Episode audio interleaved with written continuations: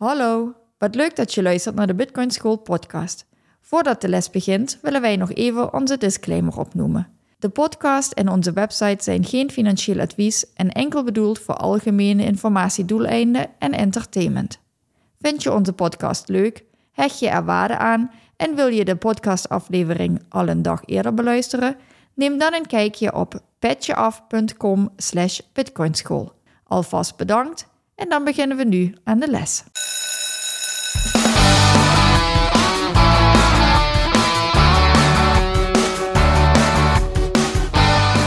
En welkom bij de Bitcoin School podcast. In deze podcast willen we jullie de wereld van Bitcoin dichterbij brengen. Dit doen we door Bitcoin op een eenvoudige manier vanuit de basis uit te leggen. In deze aflevering gaat het over hashing en proof of work. Ja, inderdaad. We gaan weer eh, een klein beetje richting de techniek.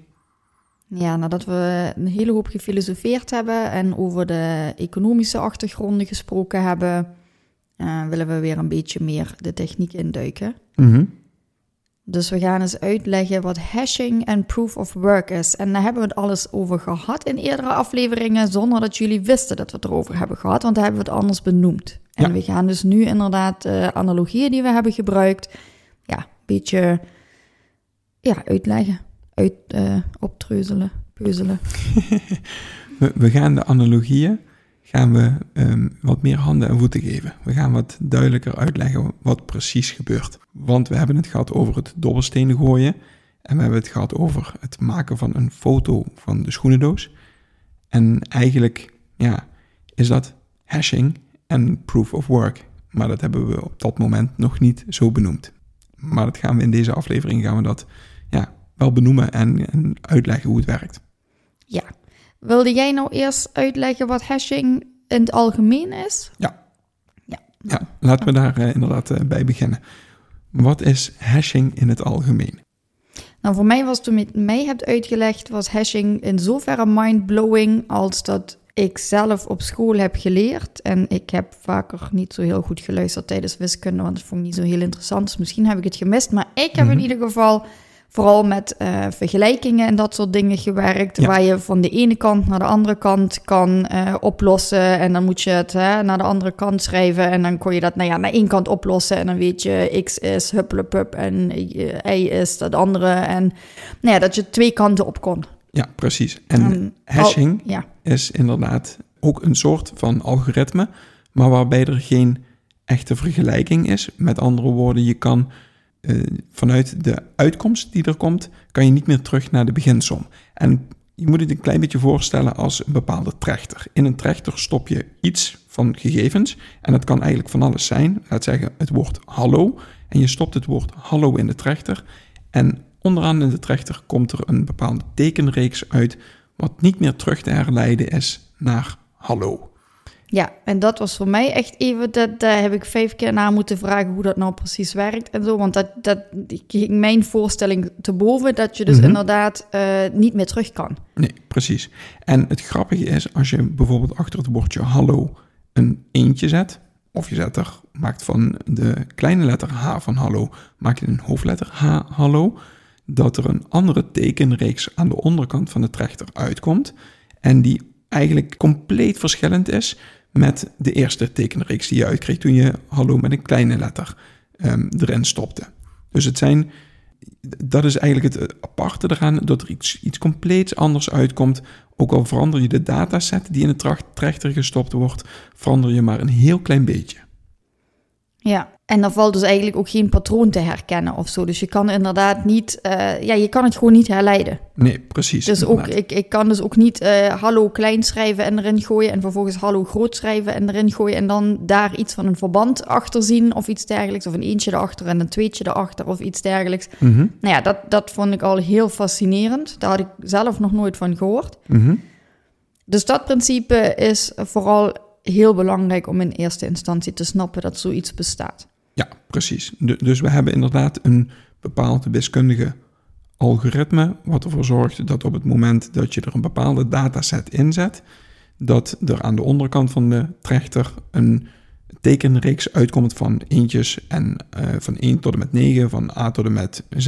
En het is even afhankelijk van welk hashing-algoritme er gebruikt wordt, maar normaal gesproken komt er dan een tekenreeks van 64 tekens uit. En het grappige is dat als ik hallo invoer in de trechter, um, dat er een bepaalde tekenreeks uitkomt. Maar als jij hallo invoert in de trechter, de tweede keer, dat daar exact dezelfde tekenreeks uitkomt.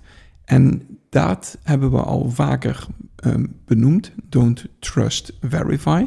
Het is dus niet terug weer de trechter in te stoppen en naar boven te kijken of je daar hallo uit kan halen. Maar op het moment dat ik tegen jou zeg van hé, hey, de input is hallo, kan je kijken of dat klopt.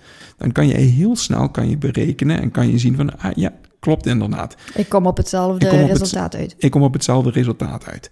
En daarmee is het verifiëren is eigenlijk heel makkelijk, want ik hoef jou alleen maar een bepaalde input te geven. En als die input overeenkomt met hetgeen wat ik jou gezegd heb, wat de output is, dan klopt, dan, dan weet jij van ja, de input die Paul mij gegeven hebt, heeft, is uh, correct. Ja, daar is een bepaalde website voor, voor degene die dat graag eens willen uitproberen. Kun je mhm. die even benoemen of zetten we die in de uh, show notes? Nou, die kunnen we in de show notes zetten, maar je kan in ieder geval eens zoeken op uh, SHA-256 generator. En dan kan je dat zelf eens een keertje proberen. En SHA-256 is, wordt heel veel bij Bitcoin gebruikt. En het staat voor Secure Hashing Algorithm. En dan 256 staat er voor het aantal bits wat, uh, wat er gebruikt wordt. Dat is op dit moment de functie die voornamelijk bij Bitcoin gebruikt wordt om hashes te genereren. Ja, nou heb je me ook uitgelegd dat we dat in principe ook in ons dagelijks leven al vaak gebruiken zonder dat we doorhebben. Want ook het inloggen bij bijvoorbeeld je e-mail of bij uh, Facebook of iets dergelijks waar je een gebruikersnaam en een wachtwoord aanmaakt. Ja. Dan heeft niet de website jouw gebruikersnaam en wachtwoord. Mm maar de hash daarvan. Vandaar dat op het moment dat je zegt, hè, wachtwoord vergeten, dan zeggen zij niet tegen jou, ja, hier, uh, dit is je wachtwoord, uh, hier heb je hem weer. Um, wij vertellen jou wel wat je wachtwoord was. Mm -hmm. Nee, die hebben zij ook niet. Dus daar moet je dus ook een nieuw wachtwoord weer aanmaken. En dan wordt dus ook weer een nieuwe hash aangemaakt. Dus zij hebben ook niet de input. Zij kunnen alleen controleren op het moment dat ik mijn wachtwoord invul of het juiste resultaat eruit komt. Ja, precies. Ze hebben in hun database, um, zeer waarschijnlijk, hebben zij dan de hash opgeslagen van jouw wachtwoord. Dus weer eventjes, je hebt jouw wachtwoord bij het aanmaken van het account, heb jij het wachtwoord aan de bovenkant van het trechter ingevuld. Daar is een tekenreeks is daar uitgekomen en die tekenreeks die hebben ze opgeslagen in hun database. En die tekenreeks die wordt gecontroleerd op het moment dat jij probeert in te loggen. Wordt er gekeken van oké, Marina probeert met um, het uh, gebruikersnaam Marina probeert ze in te loggen met het wachtwoord uh, hallo 1234. Nou, op het moment dat je probeert in te loggen, dan wordt die hallo 1234 wordt aan de bovenkant van het rechter wordt die ingevuld. En wordt gekeken van oké, wat komt daaruit? En is hetgeen wat daaruit komt, is dat komt dat overeen met hetgeen wat wij in onze database hebben staan. En daarmee mag Marina op deze website of in de e-mail inloggen, inderdaad. Ja, klopt. Ja, dus ze zien niet mijn input, ze kunnen alleen controleren of de uitkomst overeenkomt. Klopt, inderdaad, ja. Nou, wat heeft dit nou te maken met Bitcoin? Ja, apart hè. Apart dat we dit bij Bitcoin ook gebruiken. Maar de makkelijkste is om te benoemen, we hebben het gehad over de foto die gemaakt wordt van de schoenendoos. Ja, tijdens de blockchain-uitleg. Ja, inderdaad. En daarbij hebben we eigenlijk gezegd, er wordt een foto gemaakt van de schoenendoos, waar alle transacties in zitten en waar een foto van het vorige schoenendoos ook in zit. En dat wordt, die, die, het maken van die foto is eigenlijk het stoppen van de data in de trechter zodat er een bepaalde tekenreeks uitkomt. De data die in de blockchain terechtkomt, is niks anders dan de, een, een dataset. Die kan je in een trechter stoppen en daar komt een bepaalde tekenreeks komt daaruit. Ja, ik ga hem nog eens even samenvatten. Mm -hmm. even zodat, terug. zodat ik hem zelf snap. Inderdaad, ik haal jou even terug. Even in mijn uh, woorden, uh, we hadden gezegd, hè, om, om nog eens even de blockchain terug te pakken. Je vult schoenendozen, de mhm. miners doen dat. Uh, ze schrijven zichzelf nog een transactie erbij en dan wordt er Om een chain te kunnen maken, wordt er een foto gemaakt van de schoenendoos, deksel erop en dan gaat die foto van de vorige schoenendoos in de volgende schoenendoos. En zo heb je altijd de inhoud van de vorige schoenendoos neem je mee in de nieuwe schoenendoos, zodat er een reeks ontstaat, een chain. Ja. En zodat telkens gecontroleerd kan worden dat dat op elkaar volgt, zeg maar, dat die volgorde klopt, dat daar niks meer in gewijzigd kan worden. Nou ja, wij hebben dat uitgelegd met schoenendozen en met dus een foto wat gemaakt wordt. Mhm. In werkelijkheid is het dus, noemen we dat een blok. De schoenendoos is de blok en de Ja. foto is dus een hash. Dus die blok wordt zeg maar met alle transacties, alle tekens die erin staan, in de trechter gegooid. En dan komt er onder een tekenreeks uit. En dat is dus een unieke combinatie Mhm. eh, van tekens. En die wordt dus meegenomen in de volgende schoenendoos. Op de schoenendoos daarna inderdaad. Ja, klopt. Ja. En die schoenendoos wordt, als ze vol is, wederom ook met alle tekens en transacties en alles door de trechter gegooid. Mhm. En die tekenreeks die daaruit komt, wordt weer meegenomen in de volgende schoenendoos. Ja, en inderdaad, wat je daarmee ehm, bereikt, is dat je eigenlijk heel makkelijk kan verifiëren of een blok geldig is, of de transacties die in het blok zitten, of die geldig zijn, en dat er niet gerommeld is met de blockchain of met de inhoud van, de, eh, van een vorig blok of iets dergelijks. Is die duidelijk of niet? Ja, het mooie daaraan is dat ehm, ik hoef dus niet telkens de complete blok mee te nemen, want dan zal mijn blok telkens groter worden. Want dan ja, moest ik mijn vorige blok mee en dan komt een nieuwe blok erbij. En dan, dan zou die ja, exponentieel groeien, zeg maar, die Ja. blok. Eh, waardoor die blokken steeds groter zouden worden. Maar neem je dus telkens die 256 tekens die uit, ja, die eigenlijk het resultaat zijn van die trechter, die neem je mee. Ja, En precies. dat is een unieke combinatie, maar daardoor wordt eh, je blok niet groter. Nee, klopt. En daarmee kunnen we er in principe nog steeds voor zorgen dat de blockchain zelf qua opslag niet gigantisch veel groter wordt bij het uitbreiden van elk blok, om het zo maar te zeggen. Nou, als je kijkt, als er een nieuw blok bij komt, dat, ehm, eh, dat er niet heel veel meer data bij komt, maar dat, er, dat de samenvatting van de bloks, dat, dat die als input gebruikt worden voor het volgende blok wat gemined wordt. Ja, nou daarmee hebben we zeg maar de foto uitgelegd. Mhm. En dan is er dus nog een tweede functie waarbij gehashed wordt. Ja, dus eh, eh, van, hetgeen wat, van hetgeen wat we nu uitgelegd hebben, inderdaad nog een tweede functie. Er zullen vast en zeker ook nog andere functionaliteiten zijn waar het hashing gebruikt wordt. Maar een tweede functie die wij willen uitleggen is het dobbelen zelf. Dat is in principe het hashen. En we hebben benoemd dat ehm, jij en ik allebei twee dobbelstenen krijgen. En wat is mining nou precies? Jij krijgt twee dobbelstenen, ik krijg twee dobbelstenen. En als ehm, de eerste van ons dubbel 6 gooit, dan mogen wij een nieuwe transactie in het blok stoppen. Waarbij we zeggen van oké, wij zijn de winnaar. Iedereen kan verifiëren dat ik dubbel 6 gegooid heb. En daarmee dat ik het spelletje gewonnen heb.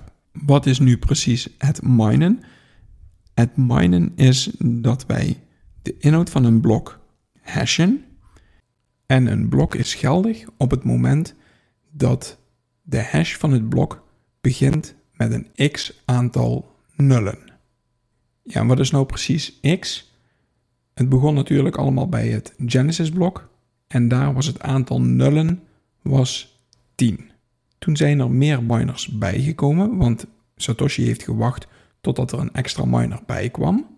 En daarmee kwam een extra speler die meedeed aan het Bitcoin-spel, die meedeed aan het dobbelen.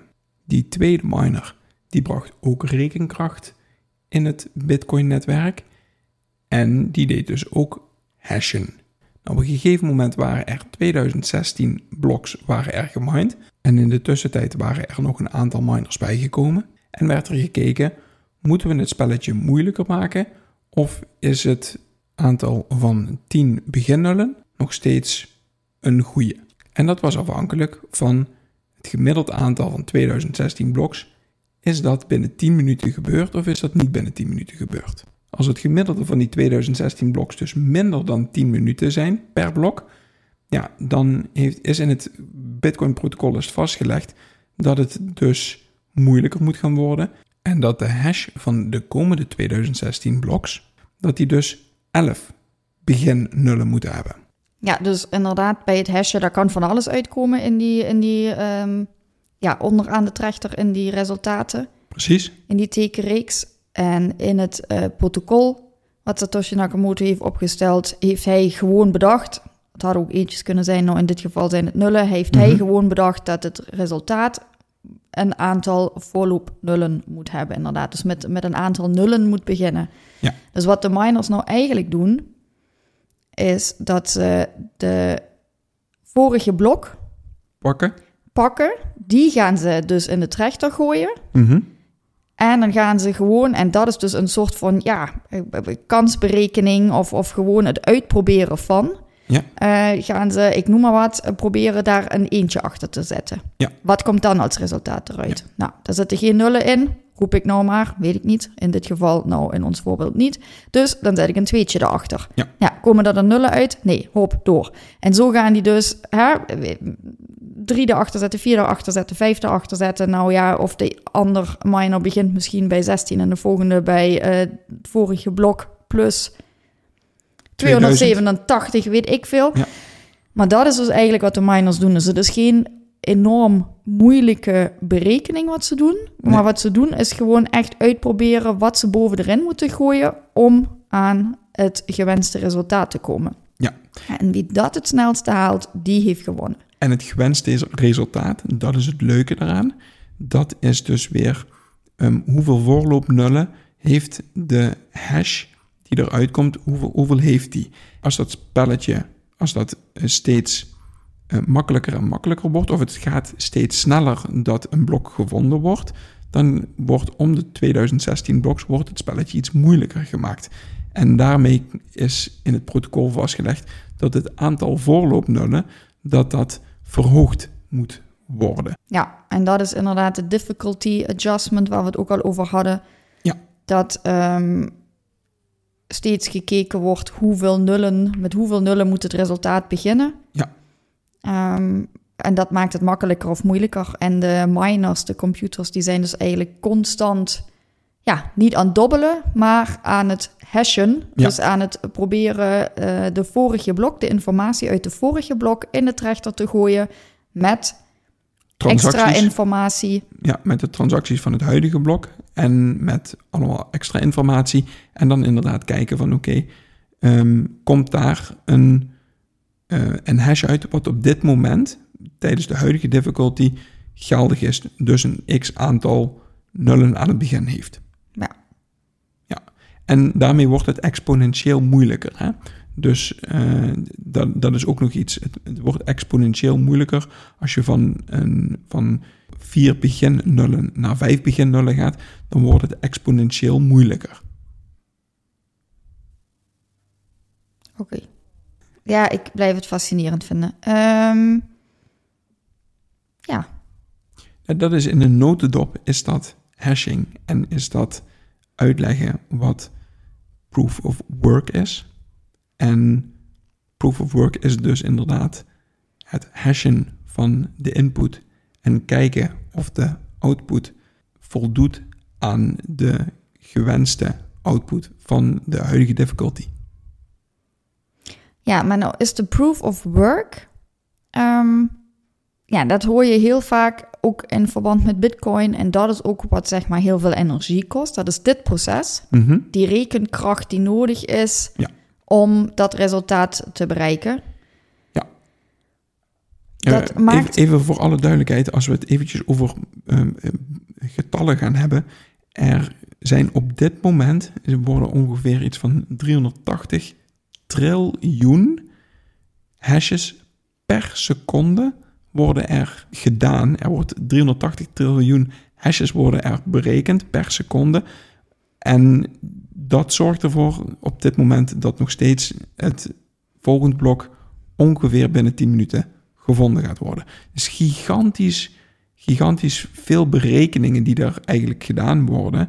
En het leuke is op het moment dat dus een miner een blok gevonden heeft, stuurt hij dat naar het netwerk. En dat hebben we ook gezegd dat het dan over het marktplaats geschreeuwd wordt. Stuurt hij dat naar het netwerk.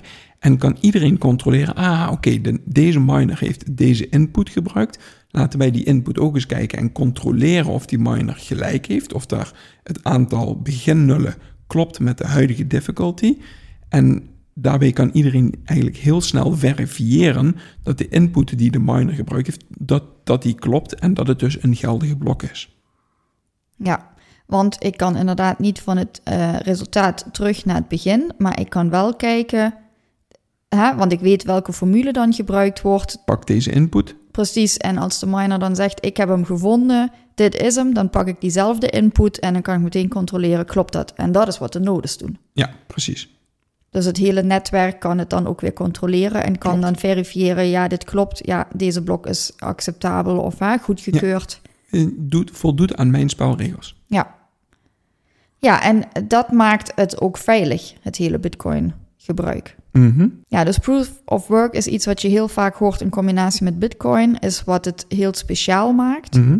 Wat volgens veel critici leidt tot heel veel energieverspilling, maar daar gaan we het uh, ook nog eens over hebben. Maar het maakt het ook juist heel veilig. Ja, daar gaan we het inderdaad nog over in een andere podcast. Gaan we het daar nog even over hebben. Inderdaad, ik denk dat dat een hele goede is. Over het energieverbruik. Ja, precies. En, en dat we daar iets specifieker op ingaan van is het energieverspilling of is het energiegebruik? Um, hoe zit dat precies? Ja, waarom maakt het het veilig? Ja, dan gaan we er toch een klein beetje op in. Maar het energieverbruik, op dit moment kost het Bitcoin mining netwerk kost, ja, best wel wat energie. Maar die energie, dat is sowieso is dat goedkope energie die, er, niet gebruikt wordt. Dat is die groene energie die er gebruikt wordt. Maar het, er kan geen malafide transactie gedaan worden of ongedaan gemaakt worden omdat je met de, met de lengte van de chain zit. En oh, ik, ben, ik merk dat ik het nu moeilijk vind om het uit te leggen, maar het maakt het veilig omdat je niet op een andere plek ter wereld, of je kan eigenlijk nergens ter wereld, kan je zoveel energie opwekken en in het Bitcoin-netwerk stoppen om een transactie ongedaan te maken of om een transactie te manipuleren of iets dergelijks. Het energieverbruik is op dit moment al zo hoog dat je eigenlijk niet op één centrale plek ter wereld meer energie kan gebruiken of opwekken om het Bitcoin-netwerk te manipuleren. En daarmee is hoe meer energie erin gaat zitten, hoe veiliger het is. Want je kan niet op één plek ter wereld centraal geregeld zeggen van oké, ik ga nou zoveel hashes uitrekenen, zodat ik een bepaalde transactie ongedaan maak of een bepaalde transactie uit het systeem haal of wat dan ook. Dat, dat lukt dan niet. En dus hoe meer energie erin gestopt wordt, hoe hoger de hash rate is en hoe meer hashes er per seconde um, gedaan worden, je hebt er geen voordeel mee. Je kan jezelf er geen voordeel mee, mee doen. En dan is het ook nog zo, het kost energie, dus het moet je op de een of andere manier een bepaalde voordeel opleveren om het te manipuleren. Ja, en dan ben je eigenlijk jezelf aan het kloten, om het zo maar te zeggen. Want als dat niet lukt, stel dat het niet lukt, dan heb je er helemaal niks aan. En dan is het verspilde, echt verspilde energie. Ja, ik, uh, ik snap wat je bedoelt. Ik ga hem nog eens even in mijn woorden samenvatten. Hm, graag, um, want ik merk dat ik er moeilijk uit de woorden kom. Maar ik vind het ook moeilijk om, om het op een goede manier uit te leggen. Nou, het wordt wel eens gezegd dat het, dat het een hele moeilijke formule is, of dat de computers op zoek zijn naar een hele moeilijke uh, som. Mm -hmm. Nou, dat is dus eigenlijk niet zo. Het resultaat weten ze, dat moet een bepaald aantal nullen hebben. Voor de rest maakt het niet uit als het maar in het begin een aantal nullen heeft. Dus ja. wat zij doen is zoveel mogelijk, zo snel mogelijk input in de trechter gooien. Klopt. Uitproberen wat ze erin moeten gooien om bij het bepaalde resultaat te komen. Mm -hmm. Nou, dit kost inderdaad energie, rekenkracht. En wat jij volgens mij bedoelt is dat het daardoor, omdat het aantrekkelijk is om dit te doen, omdat er een incentive achter zit. Ja. En uh, want je krijgt, als je de snelste bent, dan krijg je de beloning. Dan mag je jezelf die bitcoin toekennen. Of later hebben we het al over gehad, als er geen nieuwe bitcoin meer bij komen, dan krijg je dus de transactiekosten. Mm -hmm. Dus je verdient er iets mee. Mm -hmm. Nou ja, hoe meer daarna gaan zoeken, hoe moeilijker het wordt om dit systeem te omzeilen. Of het valt niet meer te omzeilen. Ik kan niet zoveel energie opwekken om sneller te zijn in mijn eentje om zelf een blok te manipuleren. Nee, om daar precies. zelf iets, iets in te zetten, dat, dat haal ik niet. Dat gaat niet. Nee, dat gaat niet. En dan ben je dus energie aan het verspillen. En dan ben je dus een hoop kosten aan het maken. En de vraag is, wie heb je daarmee? Of is dat een goede incentive voor jou om dat te doen? Want dan zou je dus op de een of andere manier iets willen aanpassen in de chain. En Ja. de kans dat dat lukt is ontzettend klein. Is heel erg klein, maar je moet er wel ontzettend veel energie in stoppen Ja. om dat te doen. En daarmee, daarmee is eigenlijk is het al een zelfbeveiligend systeem. Ja, dus stel ik zou vals willen spelen, Mhm. Ehm, dan moet ik toch heel veel energie eh, opwekken of inleveren om mee te kunnen doen aan het spel, om überhaupt vals te kunnen spelen. En als Ja. ik dan dus een, stel ik ben dan degene die wint, die dus dat valse blok zou kunnen indienen. Mhm. Ja, dan komen ze er, dan heb ik wel gewonnen, maar dan komen ze er dan achter, ja nee, dat blok dat klopt niet. Ja. Daar, daar klopt een transactie niet. Ehm, of ik wil mezelf te veel uitkeren of iets. Dus iets, je voldoet niet aan de spelregels. Dan wordt mijn blok alsnog afgekeurd. Krijg ik dus niet de beloning. Ja, dan Ja. heb ik er een hele hoop energie in gestopt. En Mhm. geld voor hardware en energiekosten en alles. Om vervolgens afgekeurd te worden. En dan heb ik er niks aan. Ja, precies. Dus vandaar dat het eh, veilig is, omdat ja, het, het, het maakt. ehm, het heeft geen voordeel om vals te spelen. Nee, precies. Het Ja. heeft alleen maar nadelen om vast te spelen. Ja, waardoor eh, inderdaad de beloning en de incentive eh, groter is. Of de motivatie om dan om, om juist goed mee te spelen en het volgens de spelregels te doen is veel groter. Ja, volgens mij zijn we dan redelijk ehm er doorheen. En dan was het een iets technischere ehm, uitleg over hoe nou het hashen werkt, hoe het minen werkt. En ehm, ja, ik, ik vond het wel een leuke, leuke les. Ja, ik dus ook. ik, ik merk wel dat het, dat het heel erg lastig is om het goed te verwoorden hoe het, ehm, hoe het precies werkt. Dus als er nog vragen over zijn, dan horen we dat inderdaad graag. Als we het niet heel duidelijk uitgelegd hebben, dan laat het vooral weten. Eh, we laat het ook weten als jullie eh, hier wel wat van geleerd hebben en, en als het voor jullie nu wel duidelijk is. Moeten we hem nog even samenvatten? Ja, laten we hem even samenvatten. Ik denk een hele goeie. Zal ik hem even samenvatten? Zal ik het proberen? Probeer maar. Oké, hashing is dus een algoritme waarbij je een bepaalde input hebt. Dat gaat door een trechter heen en dat de output ehm, eh, een bepaalde tekenreeks is. Als je de input een klein beetje verandert, dan komt er aan de output komt er een compleet andere ehm, eh, tekenreeks komt daaruit. En die tekenreeks die eruit komt, is niet meer te herleiden naar de input. Dat gebruiken we door een samenvatting van een blok te maken. Dus hoe ziet een blok er nou, eh, nou uit? We stoppen de gegevens van het blok stoppen we in de trechter. En daar komt een tekenreeks komt daarbij uit. Dat is alvast dat er een blok gehashed wordt. Ehm, die tekenreeks die wordt meegenomen door de miners in het hashen ehm, samen met de transacties en nog een aantal andere gegevens om te kijken van oké, we proberen nu een nieuw blok te minen. Daar gebruiken we dus de input van het vorige blok, gebruiken we daar met nog een aantal andere gegevens.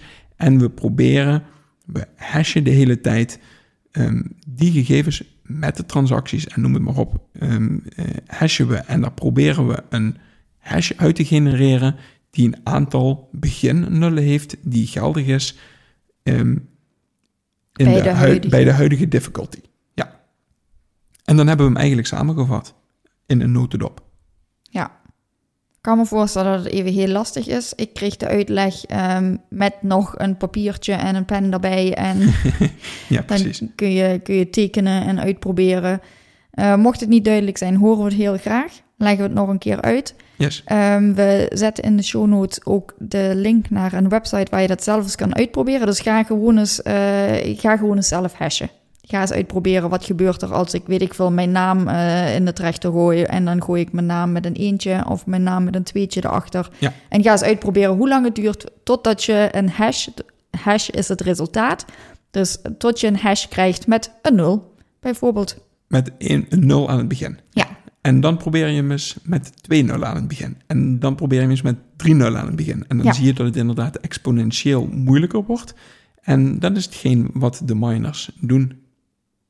Nou, dan ehm, was het dat voor deze week. Yes, dan denk ik dat we een De mooie hersens aflevering... kraken. Ja, precies. Ik denk dat we een mooie aflevering hebben gemaakt. Nou, tot de volgende keer. Doei doei. Bedankt voor het luisteren van deze les. Je kan onze podcast beluisteren via Spotify, Apple Podcast, YouTube en alle andere grote podcastplatformen. Wij zijn ook actief op Twitter en Instagram. Daar kun je ons bereiken. Heb je dus vragen of opmerkingen? Stuur ons dan een berichtje naar bitcoinschoolnl op Twitter of Instagram. Groetjes en graag tot de volgende les.